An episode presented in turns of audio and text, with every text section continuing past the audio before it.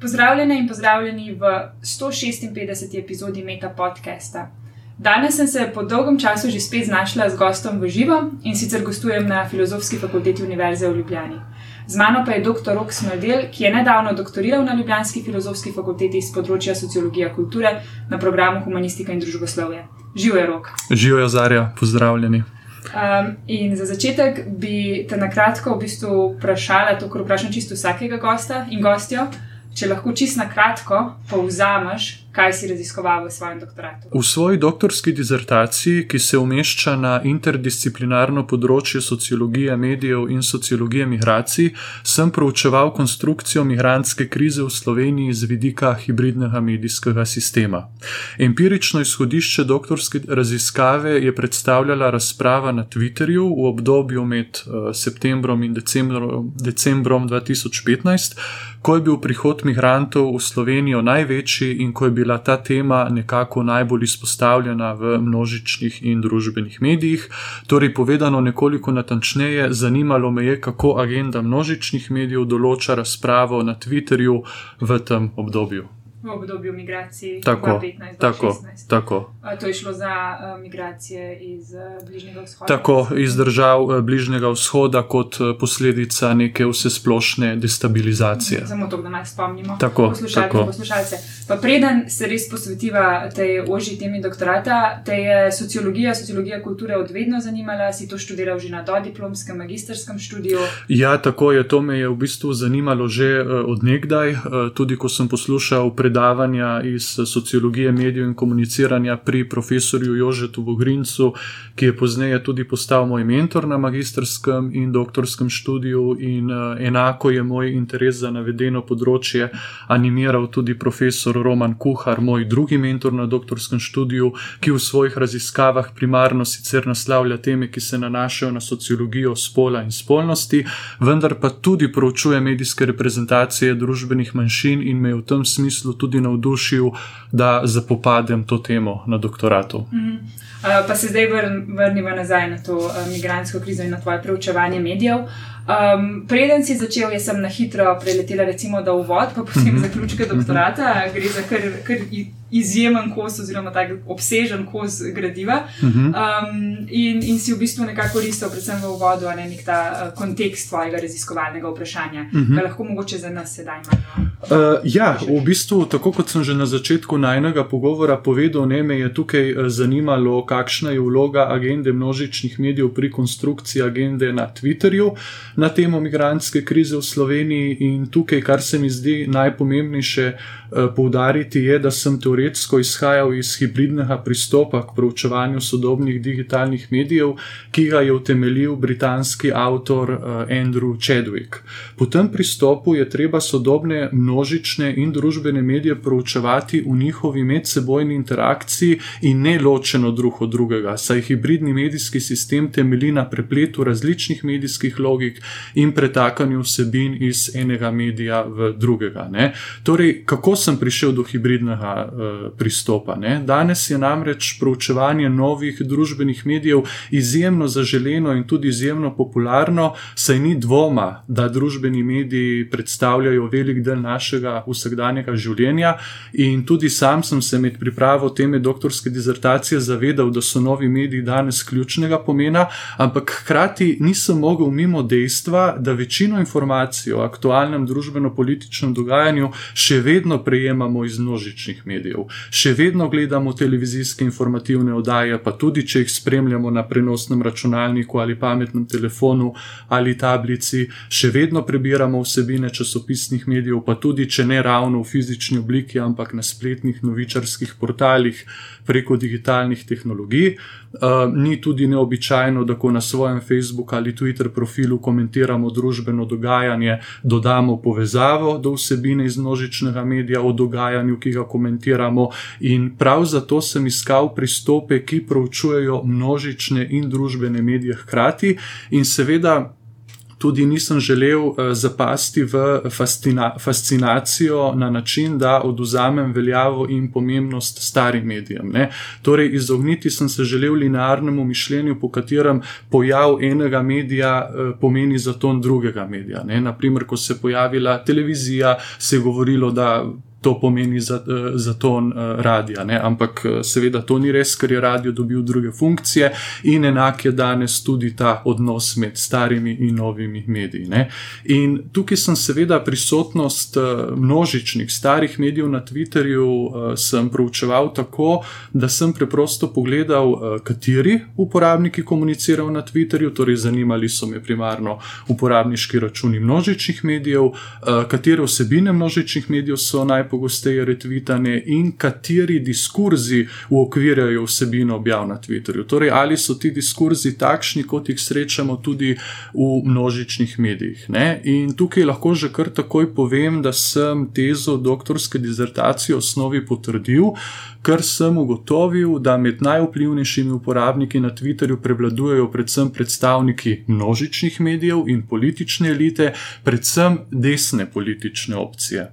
V večinskem deležu se pojavljajo objave, v katerih so prisotne različne diskurzivne diskriminatorne prakse, katerih namen je upravičevanje razlogov za zavračanje migrantov. Gre namreč za diskurzivne prakse, za katere tudi raziskave kažejo, da prevladujejo v množičnih medijih, in nasprotno so objave, za katere so značilni poskusi preseganja negativnih stereotipov o migrantih, prisotne v manjšem deležu. Kar se tiče samega empiričnega gradiva, eh, zelo je bilo obsežno, 35 eh, tisoč objav, in na osnovi tega gradiva sem tudi pripravil eh, omrežje retvitev, ki je pokazalo, da lahko govorimo o šestih večjih skupnostih. Eh, ki so na Twitterju obstajale v obdobju migranske krize. Te skupnosti so bile določene preko posebnega računalniškega algoritma na osnovi tega, kako pogosto uporabniki komunicirajo med sabo. Povedano drugače, uporabniki, ki so pogosteje komunicirali med sabo, torej konkretno, ki so se pogosteje med sabo retvitali, mene so zanimali retviti, kajti retvit pomeni eh, širitev, diseminacija nekega sporočila, so bili umeščeni v isto skupnost. Ne? In kot že rečeno, analiza razkrila, da obstaja šest večjih skupnosti uporabnikov in sicer eh, za skupnost Tena se je izkazalo, da jo sestavljajo različne javne osebe, za katere je mogoče reči, da predstavljajo levo usmerjeno omrežje, ki je kritično do negativnega in enoznačnega opisovanja migrantov.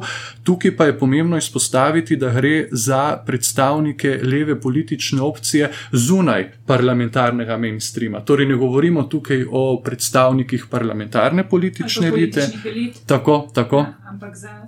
Uh, recimo neke javne uh, osebnosti. Vplivne že na Twitterju. Uh, ja, ja. Uh, recimo, zdaj se spomnim po spominu Boštjan Gorenc Pidžama, ne, -hmm. ki je recimo širil neka stališča, ki bi jih lahko tako sicer zelo schematično kategorizirali kot leva. Mm -hmm. Nismo pa recimo opazili v tistem času luke meseca ali pa Tanja Fajon. Na levem spektru govorim. Ne? In levo je tisto, ki želi do migrantov biti pač. Um, Sprejemati imigrante v pozitivno. Tako, tukaj je.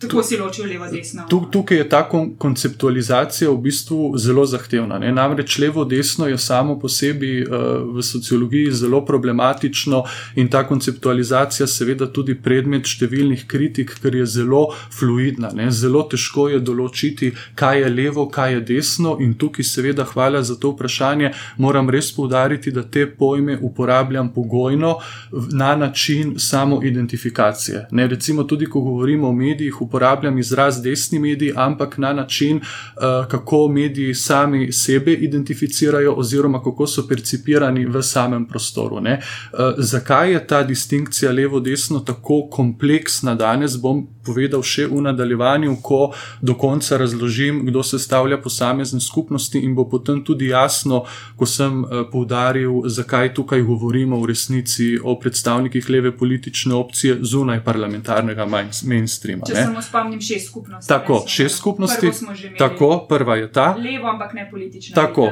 tako je. Druga skupnost uh, predstavlja omrežje stranke SDS, recimo desna skupnost. Uh, tretja skupnost se nanaša na omrežje televizijske hiše PopTV.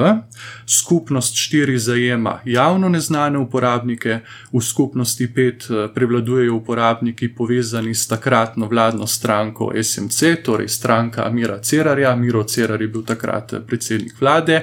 V skupnosti šest pa najdemo uporabnike povezane z Novo Slovenijo, torej stranka Nova Slovenija je takrat tudi bila dejavna na Twitterju. In zanimivo je tole, da druga skupnost, torej skupnost stranke SDS, obsega skoraj 300 uporabnikov manj kot prva skupnost, vendar pa so uporabniki znotraj druge skupnosti ustvarili skoraj dvakrat več retvitev kot uporabniki iz prve skupnosti. Še več, uporabniki druge skupnosti so ustvarili največ retvitev izmed vseh skupnosti in to pomeni, da je bilo tako imenovano desno politično omrežje, omrežje stranke SDS, najdejavnejše in najvplivnejše na Twitterju v tem obdobju, prav tako pa tudi njihovi satelitski mediji oziroma mediji, ki podpirajo desno politično opcijo.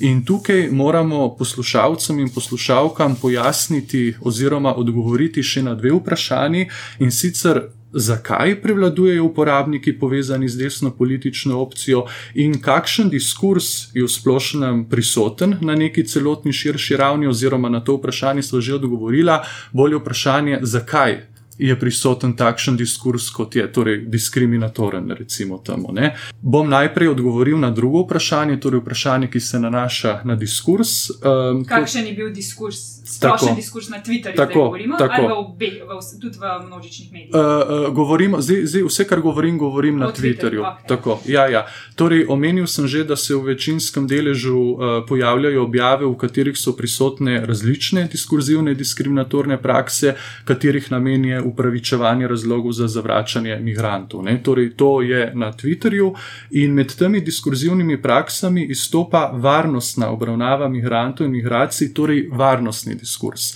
Presenetilo pa me je, da med najpogosteje retvitanimi objavami ne najdemo tako imenovanega etnonacionalističnega diskurza, ki je bil izrazito prisoten v, in, v obdobju prve in druge krize, torej v obdobju množičnega prihoda bosanskih beguncev v 90-ih letih prejšnjega stoletja in množičnega prihoda migrantov iz republik nekdanje Sovjetske zveze, Azije, Bližnjega vzhoda, iz Afrike na prelomu tisočletja. Ne. Torej, to je bila v bistvu prva, pa druga recimo temu migranska kriza, tale iz leta 2015-2016, je tretja. Ne?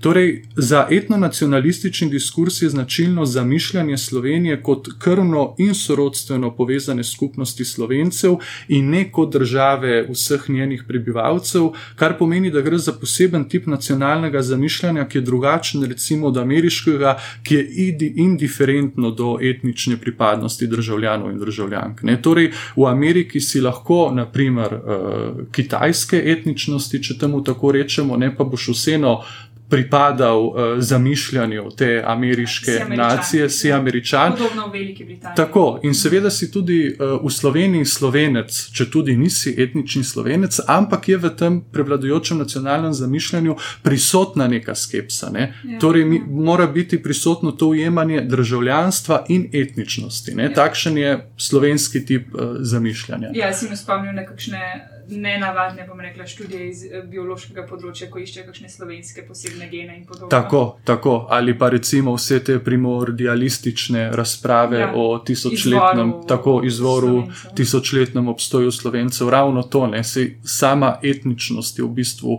problematičen, rasističen mm. koncept, ker eh, etničnost je tudi v resnici družben konstrukt, ne, ker etničnost sama zase ne obstaja, dokler jo ne poimenujemo kot mm. takšne, ne, na osnovi nekih bioloških oziroma kulturno pripisanih uh, značilnosti. Uh, seveda, kako pojasniti prevlado varnostnega diskurza v tretjem obdobju in zapostavljenost etnonacionalističnega diskurza, ki pa je prisoten v prejšnjih obdobjih. Ne? In navedeno razliko lahko pojasnimo s tem, da sta se prva dva množična prihoda oseb v Slovenijo zgodila v drugačnih družbeno-zgodovinskih okoliščinah, v katerih migracije niso bile vse splošno pojmovane kot varnostno vprašanje. Nekateri avtori ugotavljajo, da so posamezni globalno izpostavljeni dogodki, kot je naprimer 11. september 2001 v ZDA, prispevali k vse splošnemu razumevanju migracij kot varnostne problematike, in tukaj lahko sklepamo, da je ta način obravnave migracij preglasil objave z etnonacionalističnim diskurzom, ki niso izrazito zastopani zastopane med najpogosteje retvitanimi objavami eh, na Twitterju, in to tudi pomeni, da načini, kako diskriminiramo v Sloveniji, če se malce pošalim, niso nekaj inovativnega, ampak so samo preslikava nekih širših diskurzivnih diskriminatornih praks, ki so prisotne tudi drugot, oziroma ki so uvožene uh, v Slovenijo. Mm. In na ta način uh, sem jaz tudi potem v dizertaciji pojasnil, zakaj prevladuje varnostni diskurs in zakaj ne, ne srečamo nekih drugih diskurzov, ki so bili prej uh, prisotni. Ne? In seveda je tukaj zdaj še eno vprašanje. Ne? Prej sem omenil, da je desno omrežje, omrežje stranke SDS, torej parlamentarno desno omrežje. Eh, nekako najdejavnejše in tudi najvplivnejše, medtem ko je uh, parlamentarno levo omrežje, recimo, temu odsotno. Ne? In mhm. tudi to me je. Uh, pač zanimalo, zakaj je temu tako, ne? kako pojasniti prevlado desnice. In v bistvu tukaj sem veliko razmišljal o tem, uh, namreč po mojem mnenju lahko odsotnost parlamentarne levice in prevlado desnice uh, pojasnimo preko obravnave nekih širših strukturnih premikov znotraj okvirov, ki določajo strukturo javne razprave v zahodnih demokracijah. Namreč zadnje pol stoletja smo na Zahodu priča normalizaciji desne agende in marginalizaciji leve agende. Okvir javne razprave se premika vse bolj v desno, kar je vidno že potem, da je eh, recimo trenutni diskurs stranke Levica v resnici diskurs socialdemokratske opcije iz 70-ih let prejšnjega stoletja. In to pomeni, da se je v zadnjih 50 letih agenda pomaknila v desno na ta način, da je nekdaj socialdemokratska perspektiva postala radikalna, radikalna desna. Pa se pomika vse bolj v sredino ne, in se normalizira. In torej teme, kot so javno zdravstvo, javno šolstvo, osnovne človekove pravice, uh, tudi pri nas, ne samo v Ameriki, so te teme vse bolj označene kot eh, socialistične, radikalne, komunistične, nekoč pa so bile legitimen del leve sredinske opcije. Ne?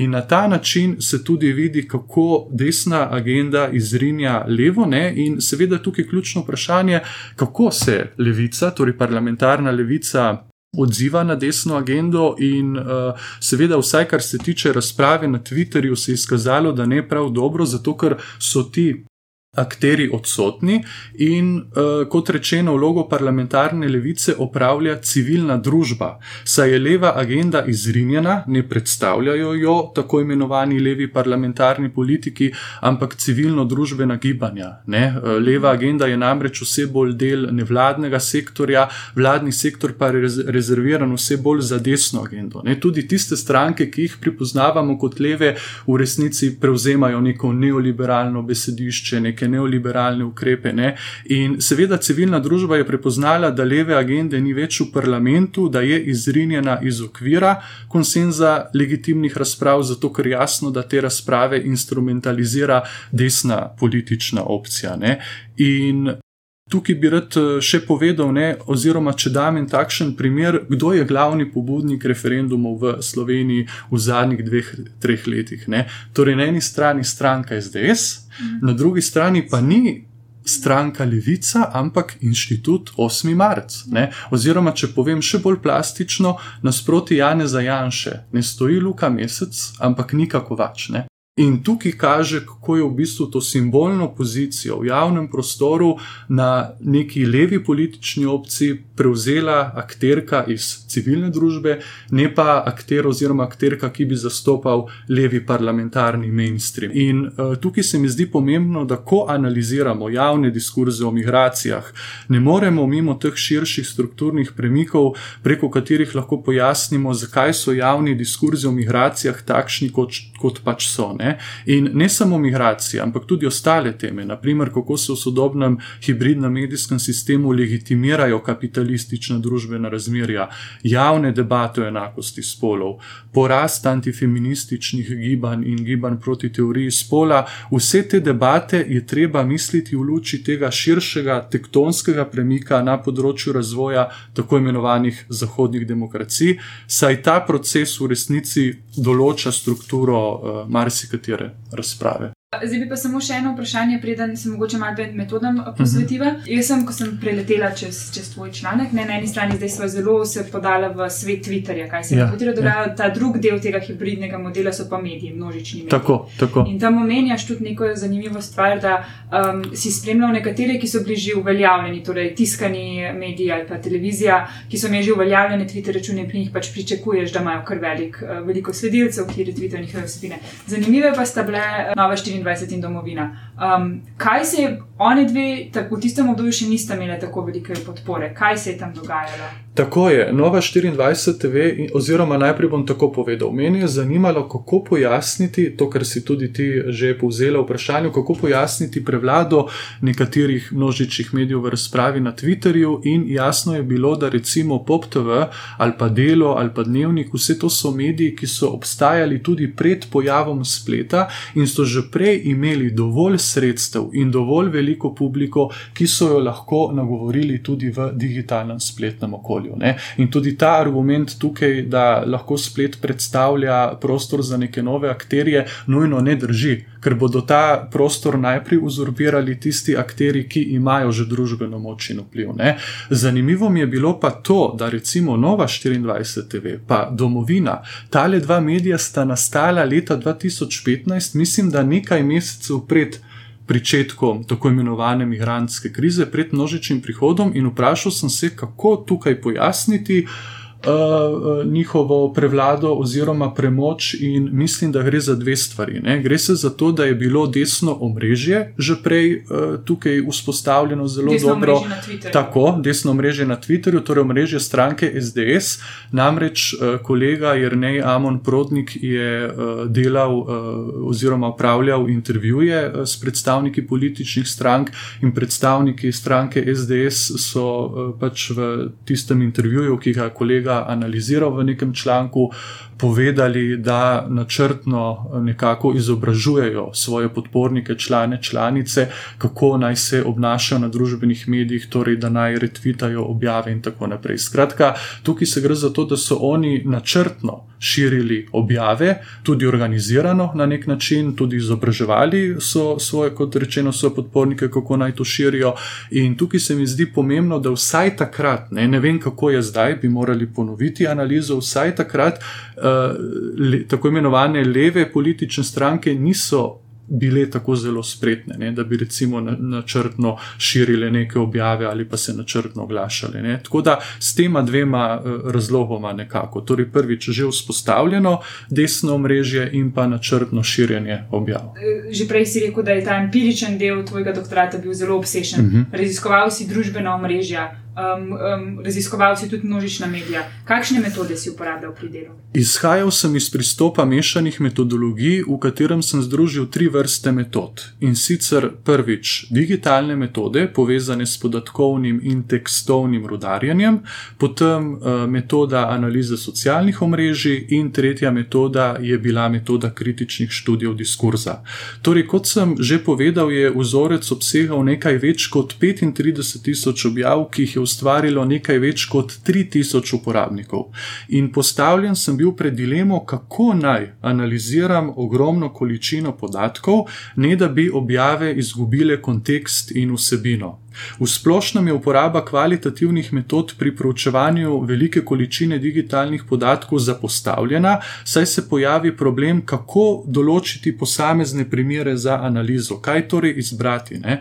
Na drugi strani pa kvantitativni metodološki pristopi uh, nudijo pogled v širšo sliko, vendar pa ne morejo zagotoviti pomena in interpretacije obravnavanih podatkov. In zaradi tega je bila moja ambicija, da združujem klasične sociološke tehnike raziskovanja s sodobnimi digitalnimi metodami. In ugotovil sem, da je to vrstna triangulacija v digitalnem raziskovanju zelo redka, kajti obstoječe raziskave so bodi si izrazito kvantitativne in je njihova prednost velika količina analiziranih podatkov, bodi si izrazito kvalitativne, a temeljijo na malo podatkih. In jaz sem to zagato v osnovi razreševal tako, da sem kvantitativne podatke pojmoval kot izhodišče za kvalitativno analizo, torej za določitev reprezentativnih primerov, ki so na to predmet kvalitativne analize. Seveda se pri vsej tej zgodbi pojavi še en problem, namreč sociologi nismo eh, primarno usposobljeni za programiranje in za delo z naprednimi računalniškimi digitalnimi metodami.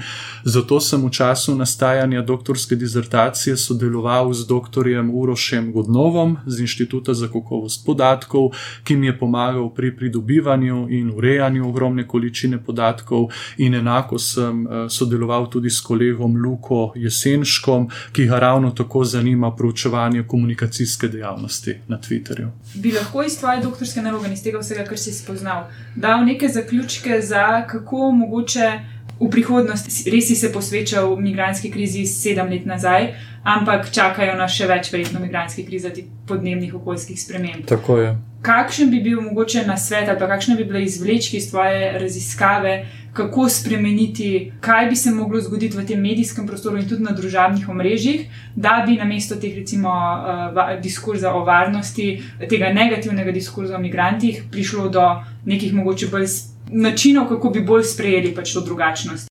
Uh, ja, vprašanje je v resnici zelo težko, vredno milijon dolarjev, ampak tako na prvo žogo bi rekel, da so tukaj dva razloga. Ne.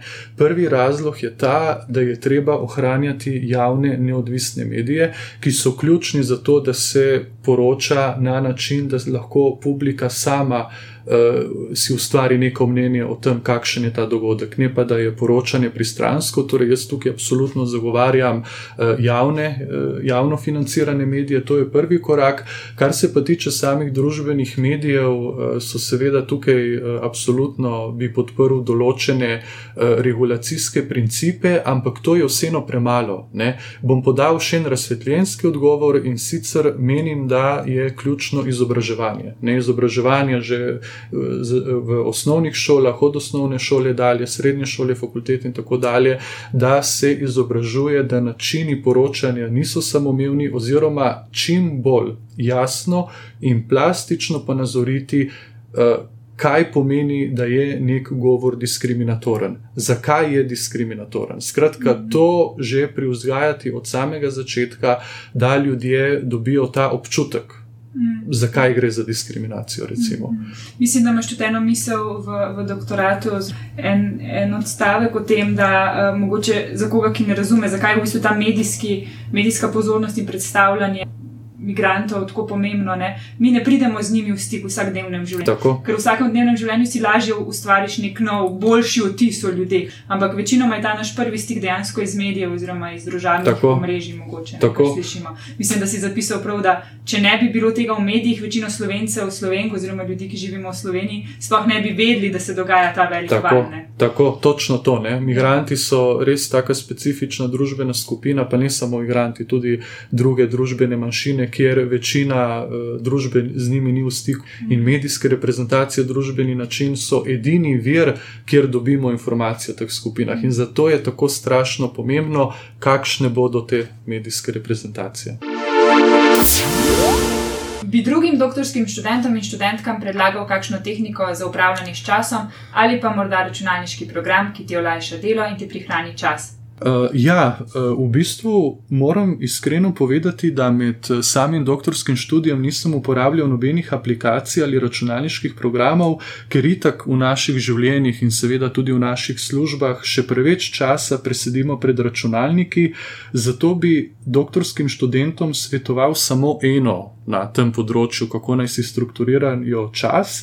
In sicer predlagam, da naj delajo kontinuirano, določeno število ur na dan, ne glede na to, kako produktivni so, važno je, da je prisoten nek ritem, hkrati pa naj si v enaki meri tudi vzamejo čas zase. Ne? Torej, naj nekaj ur na dan namenijo tudi sebi in svojemu dobremu počutju, ter počnejo tisto, kar jih sprošča in osrečuje. Predlogi za izboljšanje, morebitno posodobitev doktorskega doktorskega študija, kako bi ga aktualizirali v tem današnjem času, ko se stvari, se zdi, da se stvari zelo hitro spreminjajo, premikajo. Po mojem mnenju mora biti doktorski študij zastavljen tako, da omogoča čim več samostojnega dela in da vsebuje čim manj nekih strukturiranih predavanj oziroma oblik dela, kajti strukturirana predavanja so značilnost prve in druge stopnje študija. Pomembno je, da so obveznosti na doktorskem študiju zastavljene tako, da so neposredno povezane z doktorsko raziskavo in da so v tem smislu individualizirane, prilagojene vsakemu študentu glede na njegove oziroma njene interese interese in glede na specifiko njegove oziroma njene raziskave. To pomeni, da se študent oziroma študentka in mentor oziroma mentorica sama dogovorita, kako bodo posamezne obveznosti opravljene. In moram povedati, da točno takšen tip študija imamo tudi na filozofski fakulteti, in meni je bilo to zelo všeč, da sem lahko z mentorjem in ostalimi profesori in profesoricami. Eh, sam nekako se dogovoril, kako bom opravil posamezne obveznosti, torej na način, da bodo te obveznosti koristne za mojo doktorsko raziskavo. In iskreno povedano, tukaj nimam nekih drugih pripomb, vsaj ne kar se tiče doktorskega študija na filozofski fakulteti, ki je po mojem mnenju dovolj individualiziran, da se lahko vsakdo v miru posveti svoji raziskavi. Imam pa seveda tukaj, kar se tiče doktorskega študija, pripombo na neki širši sistemski ravni Únii, ktorý tisto, kar bi lahko, po mojem mnenju, povečalo kakovost doktorskega študija, predvsem morebitnimi aktualizacijami in tako naprej, je zelo preprosto stabilno sistemsko financiranje. Po mojem mnenju je glavni problem doktorskega študija ta, da ni sistemsko financiran tako kot študij na prvi in drugi stopni eh, torej študija. Doktorski študij je najvišja stopnja izobraževanja v Sloveniji, a hkrati je njegova izvedba z vidika javnega financiranja najmanj stabilna, saj se ne izvaja v obliki javne službe in ni del rednih delovnih obveznosti profesorjev in profesoric, temveč ima status popoldanske dopolnilne dejavnosti, če gledamo strogo formalno. In takšna ureditev ne more omogočati optimalnih pogojev za delo, niti za mentorje, še manj pa za študente. In v tem smislu je pomembno, da se zagotovi optimalne finančne pogoje za izvedbo doktorske raziskave. Primer odlične prakse predstavlja usposabljanje za mladega raziskovalca. Eh, to obliko sem tudi jaz imel, in takšna oblika usposabljanja je idealna, saj se lahko popolnoma posvetiš svoji raziskavi, pri tem pa si popolnoma razbremenjen nekih skrbi, kako boš preživel čez mesec. Ne? In torej, če povzamem, ko se pojavljajo debate, kako izboljšati kakovost študija, ne samo doktorskega študija, ampak na splošno študija kot takšnega, je odgovor zelo preprost: zagotoviti čim več sredstev za nemoteno izvajanje. Izobraževalnega oziroma mm. raziskovalnega procesa. Katera stvar ti je tekom doktorata prinesla največ veselja ali izpolnitve? Kaj je bil nek highlight? Tvojega študija? Uh, ja, največji izpolnitve mi je prinesel občutek ob pogledu nazaj, ko sem videl napredek ne samo na področju strokovnega razvoja, ampak tudi osebnostnega razvoja. Namreč doktorski študij ne pomeni samo pridobitve naziva in razvoja raziskovalno-analitičnih spretnosti, ampak pomeni tudi osebnostno zorenje, predvsem zato, ker si popolnoma sam odgovoren za potek neke večje raziskave in moraš prevzeti odgovornost za to, da je raziskava iz izpeljana do določenega roka, in ta rok je še toliko pomembnejši, če je doktorska raziskava financirana v okviru neke štipendije ali v okviru programa Mladi raziskovalec, in v tem smislu je bil to tisti glavni highlight. Ne? Torej, nekako zdržati ta pritisk, to odgovornost, in ko se ozrem nazaj, sem zelo hvaležen za to izkušnjo. Torej, ne samo zaradi vsega znanja in kompetenc, ki sem jih pridobil, ampak tudi zato, ker res čutim, da sem naredil nek korak tudi v tem smislu, da sem lahko izpeljal ta projekt. Mm -hmm. Kakšen je tvoj način za spopadanje s stresom in morebitno negotovostjo, do katere pride med doktoratom? Uh, jaz se bojim, da bo tukaj moj odgovor zelo klišejski, namreč uh, športna dejavnost, hoja, telovadba, tek, hribi gore, to me zelo sprošča, pa seveda druženje s prijatelji, kolegi, znanci, predvsem s tistimi, s katerimi lahko delim skrbi glede stresa oziroma morebitne negotovosti in seveda, če se pogovoriš, če se družiš, je potem ta stres tudi manjši, ni tako mhm. velik, kot, kot, kot je. Torej, ta stres potem ni tako zelo velik, kot če si sam v tem. Mm. Če se pa z nekom pogovoriš, pa je lažje. Če bi lahko bodoči doktorantki ali doktorantu dal en nasvet, ki si želiš, da bi ga prejel sam, preden si šel na doktorski študij, kakšen bi bil ta nasvet? Ja, takole bi jim svetoval. Del raziskovalnega procesa ni samo to, da vse teče po načrtu, ampak del tega procesa so tudi zastoji, blokade, morda se nek postopek izkaže za neustreznega, morda je problem pridobiti podatke, morda analiza pokaže čisto nekaj drugega, kar smo pričakovali, ampak vse to je del raziskovalnega procesa, zato naj bodočih doktorskih študentov in študentk ne skrbi, če kdaj ne gre vse po načrtu, kajti to, da ne gre vse po načrtu, je v resnici del načrta. Hvala, Rok, da si, si vzel čas. Ja, hvala, Zarja, tudi tebi za povabilo.